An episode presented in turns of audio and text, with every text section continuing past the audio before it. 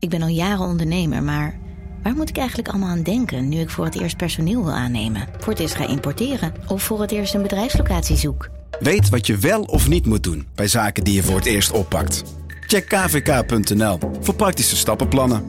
KVK, hou vast voor ondernemers. Hey podcastluisteraar. Ook op zoek naar een relevante invulling van je schaarse luisteruren? Tune dan in op de podcastserie ESG, even samengevat van BNP Paribas.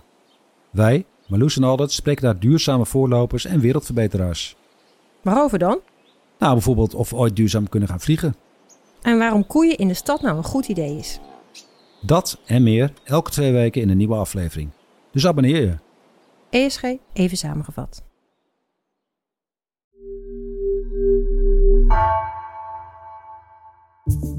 Vanaf de redactie van NRC het verhaal van vandaag. Mijn naam is Floor Boon.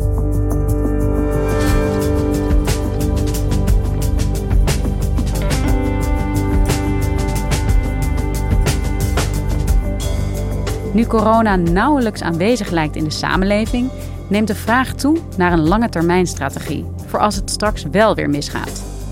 Politiek redacteur Pim van den Dol vertelt dat het kabinet vooral inzet op eigen verantwoordelijkheid. Hoe houd je de samenleving open, maar blijf je tegelijkertijd wel voorbereid?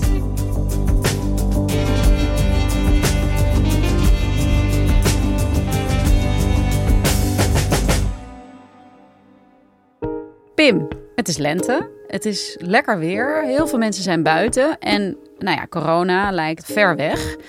Maar ik heb jou hier in de studio. Jij bent politiek verslaggever. Afgelopen twee jaar heel erg veel over corona uh, geschreven. En als jij hier zit, dan betekent het dat we het weer over corona gaan hebben. Hoe staat het ervoor nu? Wat weten we ervan? Ja, nou gelukkig gaat het uh, eigenlijk heel goed. Als je kijkt naar de cijfers die op dit moment nog gebruikt worden, bijvoorbeeld de ziekenhuisopnames, die natuurlijk heel belangrijk altijd waren voor het beleid. Ja, dan uh, liggen er op dit moment eigenlijk nog maar heel weinig mensen het ziekenhuis. Um, een paar honderd over heel Nederland op de gewone uh, afdelingen en um, minder dan veertig op de intensive care door het hele land. Dat geeft aan dat het virus echt op een heel laag pitje nu zit. Die dagelijkse besmettingscijfers die zijn er ook niet meer uh, via het RIVM. Omdat niet iedereen die nog klachten heeft ook wordt opgeroepen om zich te laten testen bij de, de GGD. Hè. De beleid is nu om om een zelftest te doen. Dus uh, het ziet er goed uit met de cijfers die we hebben. En tegelijkertijd hebben we wat minder ja, goed zicht ook op het virus. Nou, dat klinkt op zich prettig, hè? maar toch zit jij hier. Waarom moeten we het nu wel weer over corona hebben? Nou, een van de redenen is dat er ook op dit moment weer uh, twee nieuwe uh, varianten zijn opgedoken. Ook in Nederland, maar vooral nog in de rest van Europa, die wel weer wat zorgen baren. Het zijn eigenlijk twee subvarianten van, van Omicron, uh, BA4 en BA5. En nou ja, het is natuurlijk steeds hè, uh, het gevoel van nu, nu gaat het goed. Maar stel er komt een nieuwe variant die toch weer bijvoorbeeld ziekmakender is. Nou, dat is van deze varianten nog niet duidelijk. Uh, ze lijken voorlopig alleen wat besmettelijker te zijn. Dus misschien gaan ze niet voor grote nieuwe problemen zorgen. Of niet al voor die golf in de zomer die al wel weer werd gevreesd. Maar iedereen is natuurlijk wel, wel scherp op die nieuwe varianten. En dat riep opeens de vraag op deze week van ja, is Nederland eigenlijk wel op een nieuwe variant of golf voorbereid?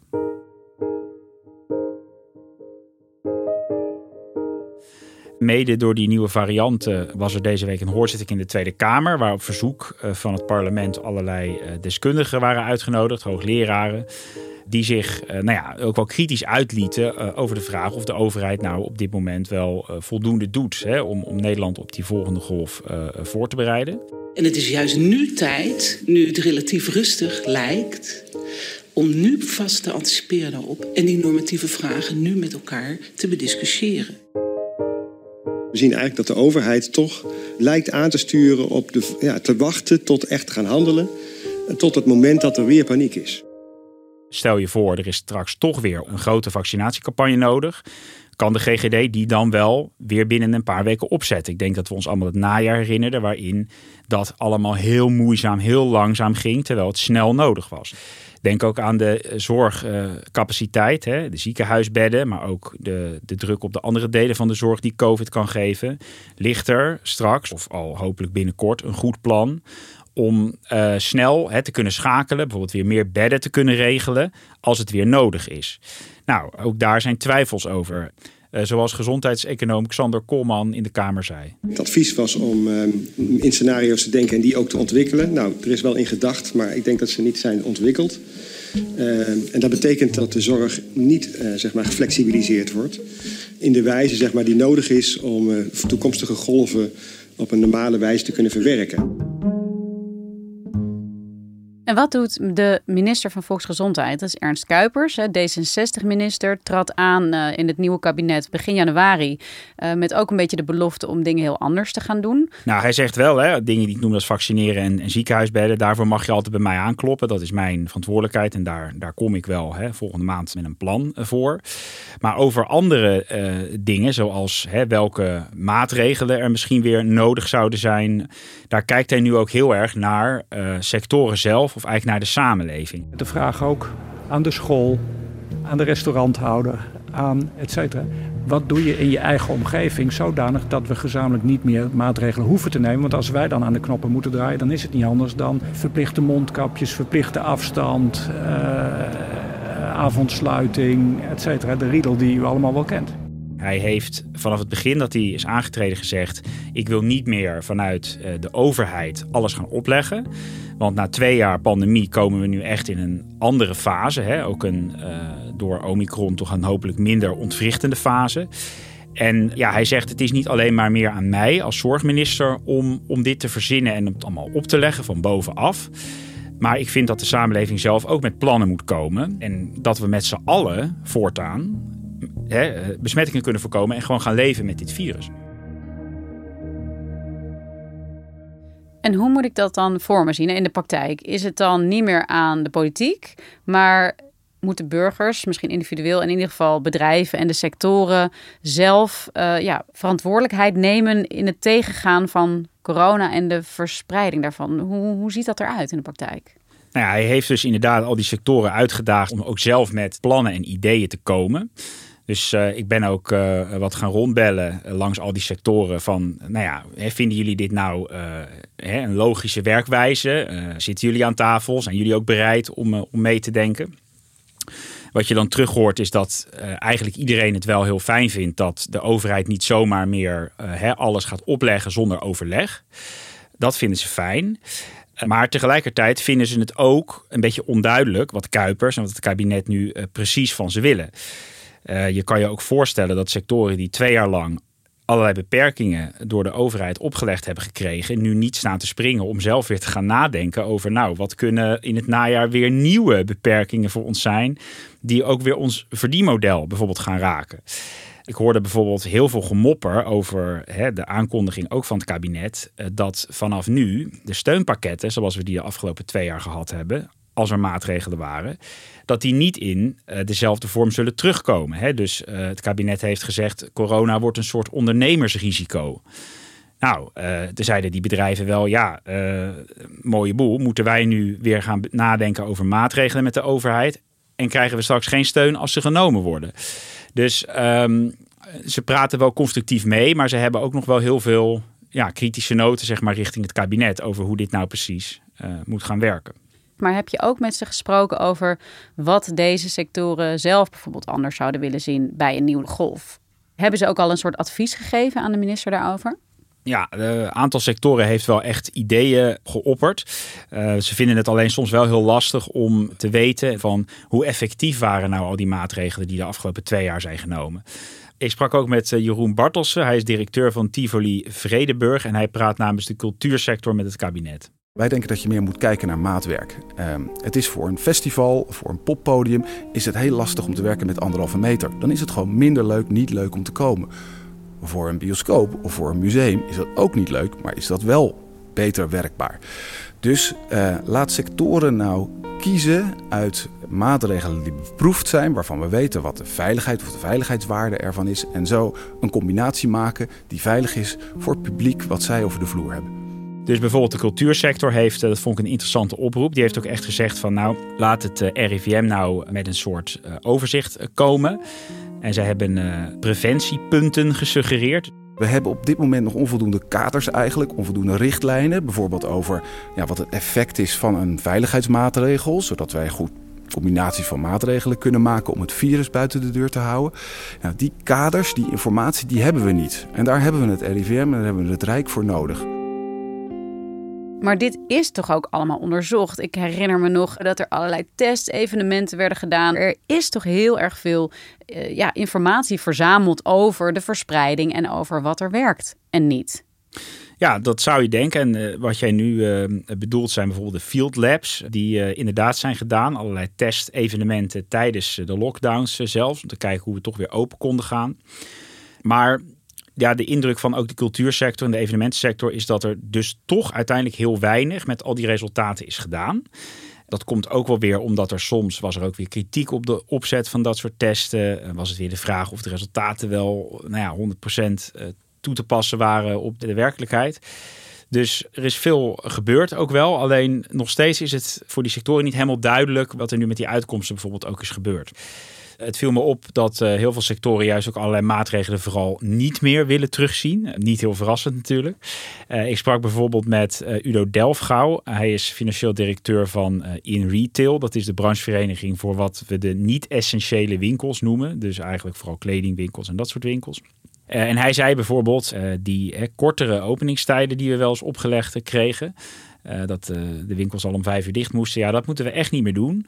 Verruim ze nou juist, want dan kunnen wij onze klanten beter spreiden. Hè? Dan komen ze elkaar minder tegen en dan kunnen we zo ook besmettingen voorkomen. Nou, Delfgauw had ook nog een ander origineel idee. Hij zei van, nou ja, laat ons nou, hè, um, als dat weer nodig is, bijvoorbeeld ook op de een of andere creatieve manier helpen met zo'n boostercampagne. Hè, wij willen best op winkelcentra, willen we allerlei kleine pop-up uh, vaccinlocaties helpen neerzetten. Zodat uh, mensen gewoon tijdens het winkelen hun booster kunnen halen. En dit praten en luisteren naar de sectoren en wat zij willen, is dat dan ook die eigen verantwoordelijkheid waar Kuipers het dus over heeft? Dat een winkel zelf kan beslissen of ze eerder of later dichtgaan bijvoorbeeld, of een sportschool. Uh, en of mensen binnen wel of niet een mondkapje moeten dragen bijvoorbeeld. Kuipers wil eigenlijk gaan werken met vier verschillende scenario's. En eigenlijk het begint met een, een, nou ja, een scenario waarin we weer wat waakzamer moeten zijn, tot een scenario waarin het helemaal misgaat. En die eerste twee scenario's, daar heeft hij van bedacht. Hij hoopt dat dat allemaal op vrijwillige basis kan. Dus dat hè, de maatregelen die al die sectoren nu ook aan het suggereren zijn, dat zij die dan weer zelf kunnen inzetten. Uh, en dat pas daarna, in een latere fase, uh, de overheid echt weer verplichtende maatregelen uh, zou moeten opleggen. De vraag is natuurlijk, hoe gaat dat in de praktijk werken? Want... Maar Pim, ik krijg hier een enorme flashback. ik zie hier de, de stoplichten en de routekaarten. In welk opzicht zou dit dan nu anders moeten zijn? En je hebt helemaal gelijk dat eerdere, hè, ja, inderdaad, aantal routekaarten, stappenplannen. We hebben heel veel langs zien komen. Het zag er prachtig uit op papier. Uh, maar in de praktijk werkte het niet, omdat het virus zich ook elke keer natuurlijk weer een beetje anders uh, gedroeg. Ja, en toch, hè, die sectoren die, die blijven ook wel zeggen: wij willen wel graag meer voorspelbaarheid. En ze snappen ook wel hè, dat je niet precies de grens van de ziekenhuisbezetting bijvoorbeeld al kan aangeven, omdat het met iedere variant anders kan zijn. Maar ze hopen toch dat hij wat duidelijkheid tot perspectief kan bieden van wanneer hij het weer nodig acht. Maar als we het nu hebben over lange termijn beleid, krijgt dat een beetje vorm nu uh, onder leiding van minister Ernst Kuipers? Nou ja, op, op een aantal punten is dat dus nog maar de vraag. Hè. Kijk, hij heeft er eigenlijk tot nu toe niet voor gekozen om dingen rigoureus anders te doen. Dus als je bijvoorbeeld uh, hè, kijkt naar de GGD. GGD die uh, natuurlijk verantwoordelijk is geweest voor zowel het vaccineren als bijvoorbeeld alle testen. Wat heel veel en zware taken voor ze waren. Hij heeft er nog niet voor gekozen om bijvoorbeeld uh, een taak bij die overbelaste GGD's weg te halen. Dus hij heeft weer gezegd van stel we moeten weer meer gaan testen in het najaar in principe moet de GGD dat weer gaan regelen. Ziekenhuizen hebben we ook al langs horen komen dat uh, hij nog niet een duidelijk plan heeft om bijvoorbeeld de ziekenhuisbezetting enorm te, te verhogen. Uh, maar hij heeft zelfs gezegd, dat vond ik wel opmerkelijk, uh, in een interview dat ik eerder met hem had, vlak na zijn aantreden, dat hij ook niet gelooft in meer ziekenhuisbedden als oplossing voor hè, de coronacrisis of het omgaan met dit soort virus. Hij zegt er zit altijd een grens aan het aantal bedden, dus dat is niet de oplossing waar je alles van kunt verwachten. Maar goed, wat dan wel zijn oplossing is of echt zijn strategie, dat is eigenlijk tot nu toe nog wel behoorlijk vaag gebleven. En je hoort ook wel in de Tweede Kamer daar nu langzamerhand wat meer gemopper over. Van ja, het lijkt er toch weer op dat Nederland eigenlijk weer geen duidelijke strategie heeft. Dat de overheid weer heel uh, afwachtend is. En eigenlijk weer erop gokt en maar hoopt dat het nu rustig blijft. Hè? En dat ook de volgende variant van Omicron ja, toch wel weer wat milder is in plaats van ernstiger. Maar ja, hopen dat het goed komt is natuurlijk geen strategie. Pim, Kuipers is aangetreden als minister ook heel erg met de belofte van uh, er moet veel meer ruimte komen voor ja, de maatschappelijke gevolgen van corona. Het moet niet alleen maar gaan over die ziektebestrijding. We willen de samenleving open houden. Zie je dat ook terug in de manier waarop hij dat aan het vormgeven is? Het is best wel opvallend dat hij, hij is de nieuwe minister van Zorg. Hij komt uit de zorg, maar hij kiest juist ervoor om heel erg te benadrukken dat het niet alleen in het coronabeleid meer over de zorg mag gaan, maar dat er juist ook hè, uh, aandacht moet zijn voor de gevolgen die het voor jongeren heeft gehad. Uh, nou ja, hij heeft natuurlijk inderdaad gezegd: het uitgangspunt moet nu echt zijn dat de samenleving open blijft en dat we alleen nog maar als het nodig is terug moeten naar lichte beperkingen, geen nieuwe lockdowns. Dat wil hij echt niet meer. Uh, maar goed, dat kan je allemaal zeggen en ambiëren. En dat is ook wat hoogleraar Tanja van der Lippen deze week in de Tweede Kamer zei. Het kunnen bieden van een IC-bed aan iedere acute patiënt die dat nodig heeft, is een belangrijke reden geweest voor beperkende maatregelen. Ook wanneer de maatschappelijke schade groot was. Maar willen we deze rule of rescue, willen we die handhaven bij een nieuwe golf? Het is zaak om deze en ook andere normatieve vragen op dit moment te bediscussiëren en ja, maatschappelijk draagvlak te kweken. Ja, minister Kuipers wil graag de samenleving openhouden. Hij zegt ook dat hij niet van plan is om bijvoorbeeld de IC-capaciteit uit te breiden.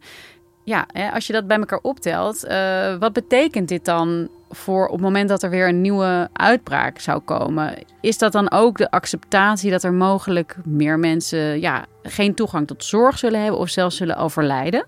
dat laatste wat je nu zegt is, is echt wel een taboe. Alleen ja, je kan alles tegelijk willen. Je kunt uh, zeggen, we willen geen zware beperkingen meer. We willen die samenleving open houden. Uh, maar als je dan de ziekenhuiscapaciteit niet echt uitbreidt... en er komt zo'n hele ernstige variant... ja, dan dreigt natuurlijk toch weer dat je toch weer tot zware maatregelen in theorie moet overgaan. Dus ja, er worden gewoon niet echt hele heldere keuzes nog steeds niet gemaakt eigenlijk, na die twee jaar, uh, over al dit, dit soort vraagstukken. En dan ja, is het toch maar de vraag hoe dat uh, in het najaar zal gaan. Dankjewel, Pim. Graag gedaan.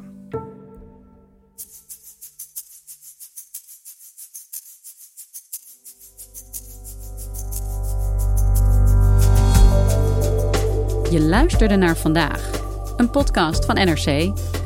Eén verhaal, elke dag. Deze aflevering werd gemaakt door Esme Dirks, Stef Visjager en JP Geersing. Dit was vandaag. Maandag weer.